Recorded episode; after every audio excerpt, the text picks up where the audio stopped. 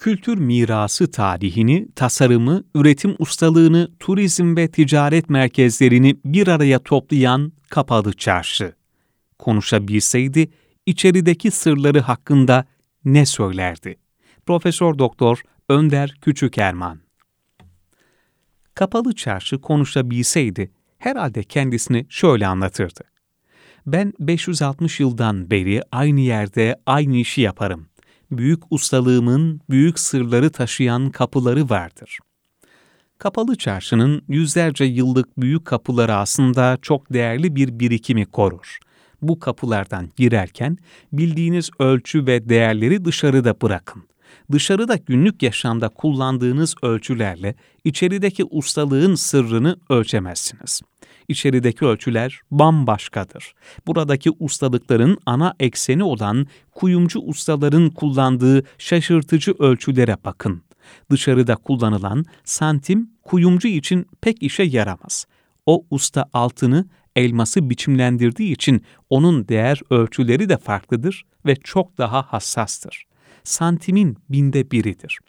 Onun büyük sırrıysa çok eski bir yaratıcılık takımının oynadığı büyük bir geleneksel yarışın da adıdır. Onun yarattığı bir mücevheri iyice görmek için yakına, çok daha yakına gelmek gerekir. Buna rağmen yine de ustalıklarla kurulmuş dünyasına kolay kolay giremezsiniz. Kapalı çarşının çok anlamlı dünyasındaki atölyeler ve hatta kapıları bile çok küçüktür. Büyük bir geleneğin sürdürüldüğü atölyeler küçüktür ama ustaların ve kıymetli taşların parıltılı ve çok büyük öyküleriyle doludur. Burada yapılan her şey aslında ustaların büyük sırrıdır.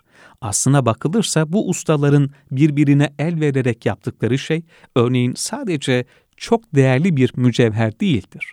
O, kapalı çarşının tecrübeli ustalarının birbirlerine güvenerek oluşturduğu çok eski bir çalışma düzeninin yeni bir eseridir. Onlar kapalı çarşının koruyucu ve güvenli ortamında doğup büyümüş büyük bir aile gibidir. Doğunun geleneksel yaratıcılık ışığını, batının keskin tekniklerini bir araya getirirler. Ama aslında onlar 560 yıllık bir hünerin ateşini sürdürüyor, birbirlerine dayanıyor, sırlarını kalın duvarlar ve karanlığın içinde koruyor. Kuşaklar boyu biriken büyük ustalığı hiç durmadan sürdürürler. Kapalı çarşıdaki yaratıcılık, ustalık ve tasarım yarışı 560 yıldır birbirinden ayrılmadı. Aslında kapalı çarşının hünerli ustaları sadece altın dökmez, taş kesmez, kuyumculuk yapmaz. Onlar binlerce yıllık bir İstanbul ustalığının parlak tasarım zincirine hiç durmadan çok değerli ve yeni halkalar ekler. Bütün bunları koruyan da kapalı çarşının göze görünmeyen sanal duvarlarıdır.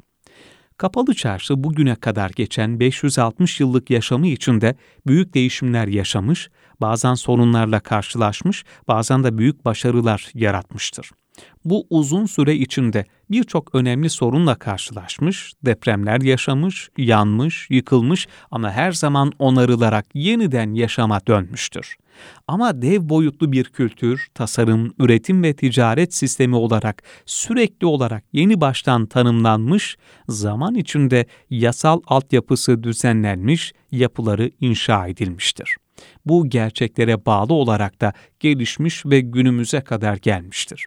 Bütün bu nedenlerle her durumda ülkemizde 560 yıllık bir süre içinde aynı yerde, aynı mekanlarda, aynı işi yapabilmiş kişilerden oluşan tek kurumdur.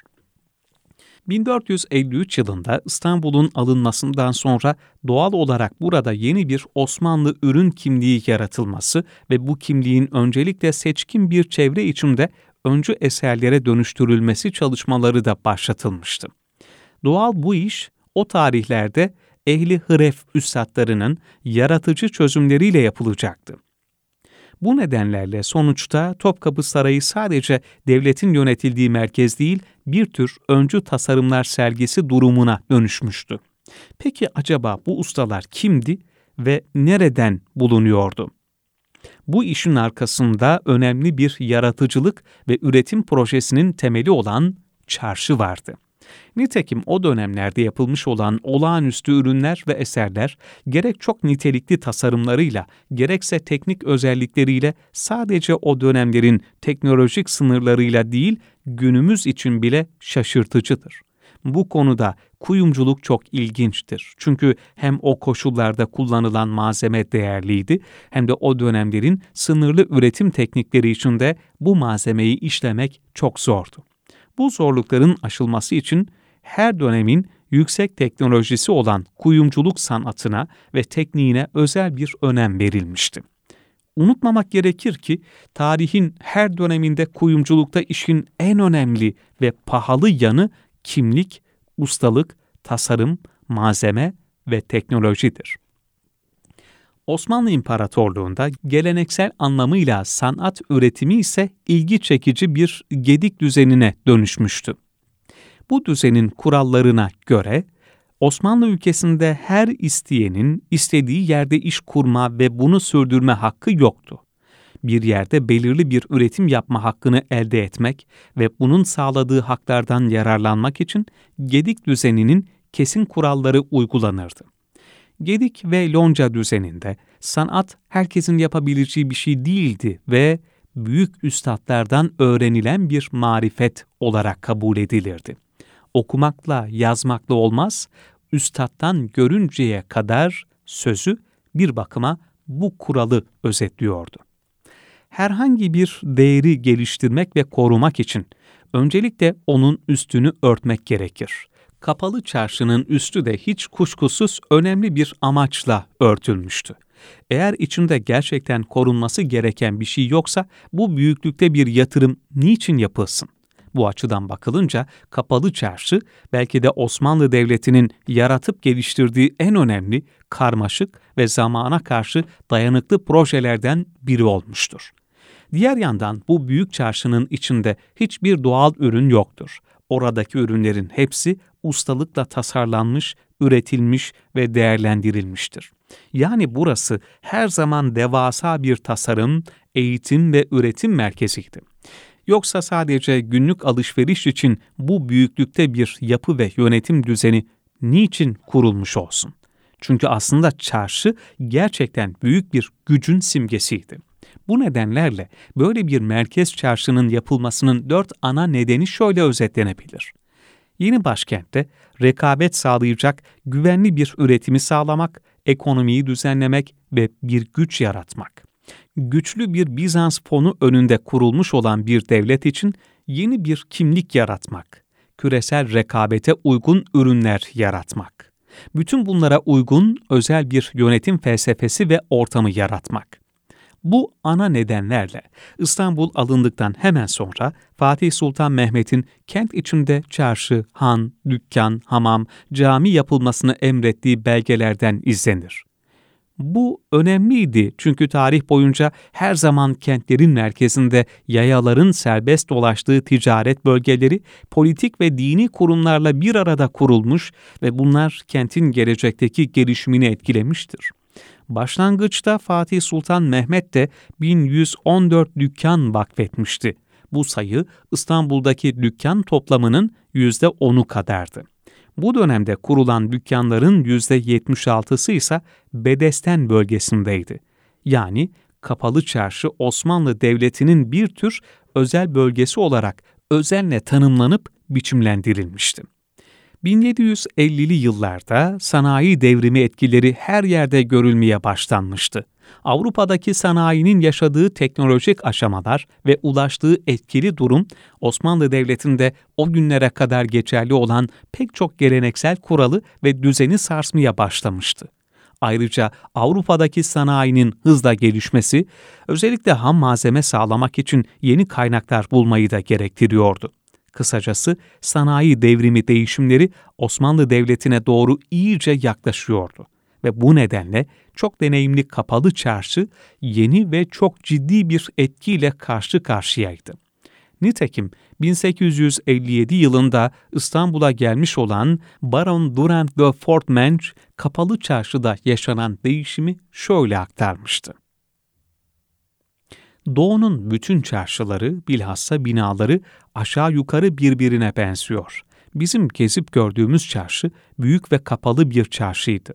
Kubbesindeki küçük camlardan süzülen hafif ışığın aydınlattığı sokakları burayı ilk defa gezen bir yabancının kolayca kaybolacağı kadar karışıktır. Canlı, hareketli, devamlı bir pazar yeri gibidir.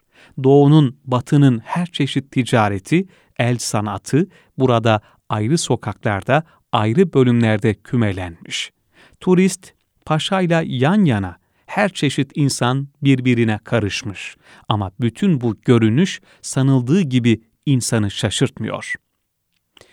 Bütün bu yaşanan gelişmeler ve kapalı çarşı çevresinde yaratılan büyük bir bilgi birikimi kısa bir süre sonra yepyeni bir organizasyon türü olan oda düşüncesini beslemiş ve sonuçta ilk kez bir ticaret odası kurma girişimi başlatılmıştı. Bu amaçla daha 1876 yılında Osmanlı Devleti'nde Ticaret ve Ziraat Meclisi kurulmuş, 1879 yılında Başbakanlığa getirilen Mehmet Said Paşa, Ticaret, Sanayi ve Ziraat Odaları kurulması için gereken süreci başlatmıştı. İstanbul'da özellikle Fransa'daki gibi bir ticaret odası kurulması için nizamname taslağı hazırlanmış ve 18 Ocak 1880 tarihinde dönemin Bakanlar Kurulu'nda kabul edilmişti. İstanbul'da bir ticaret odası kurulması kararı 19 Ocak 1880 günü Sultan II. Abdülhamit tarafından onaylanmıştı. Böylece Osmanlı topraklarında ilk kez yerli bir ticaret odası kurulmasına ilişkin süreç tamamlanmış oluyordu. Günümüzde kapalı çarşının değeri ve anlamı nedir? 2001 yılında yapılan bir hesaplamaya göre o tarihlerde kapalı çarşıda 3285 dükkan, 24 han, bir cami, iki mescit, 7 çeşme, bir şadırvan, bir kıraathane, 5 lokanta, 4 kafeterya vardı. Kapalı çarşı çevreye aşağıda isimleri verilen 16 kapıyla açılır. Unutmamak gerekir ki bu kapı isimlerinin tümü tarihi bir tasarım ve üretim ustalığı sembolleridir. Kuzey kapıları, örücüler, tacirler, mercan kapısıdır.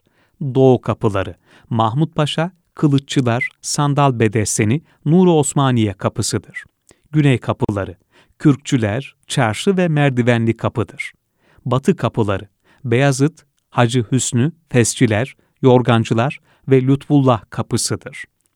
2001 yılındaki bir hesaplamaya göre Kapalı Çarşı'nın sokaklarına göre toplam değeri şöyleydi.